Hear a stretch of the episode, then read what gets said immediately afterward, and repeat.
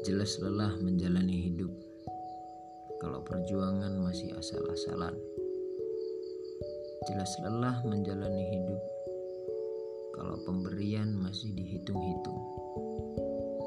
Jelas lelah menjalani hidup kalau pengorbanan lagi-lagi terbayang dan seakan meminta imbalan.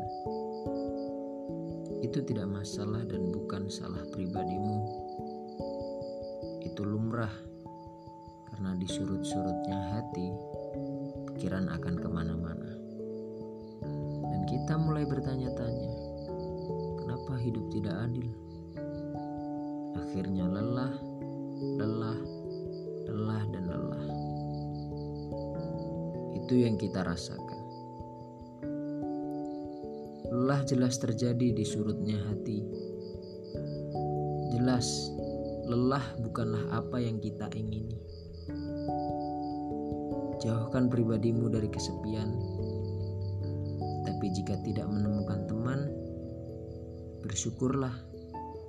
Karena tandanya Allah Subhanahu wa taala sisihkan itu semua supaya kita hanya bersamanya.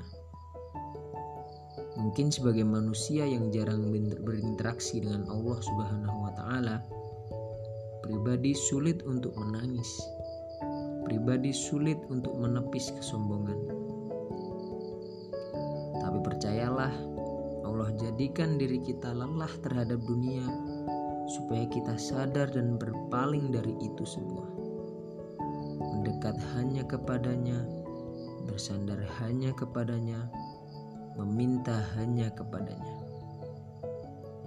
Dan setelah semua itu, jelas Tiada lagi kelelahan yang dirasa, tapi semuanya menjadi pengorbanan untuk Allah Ta'ala.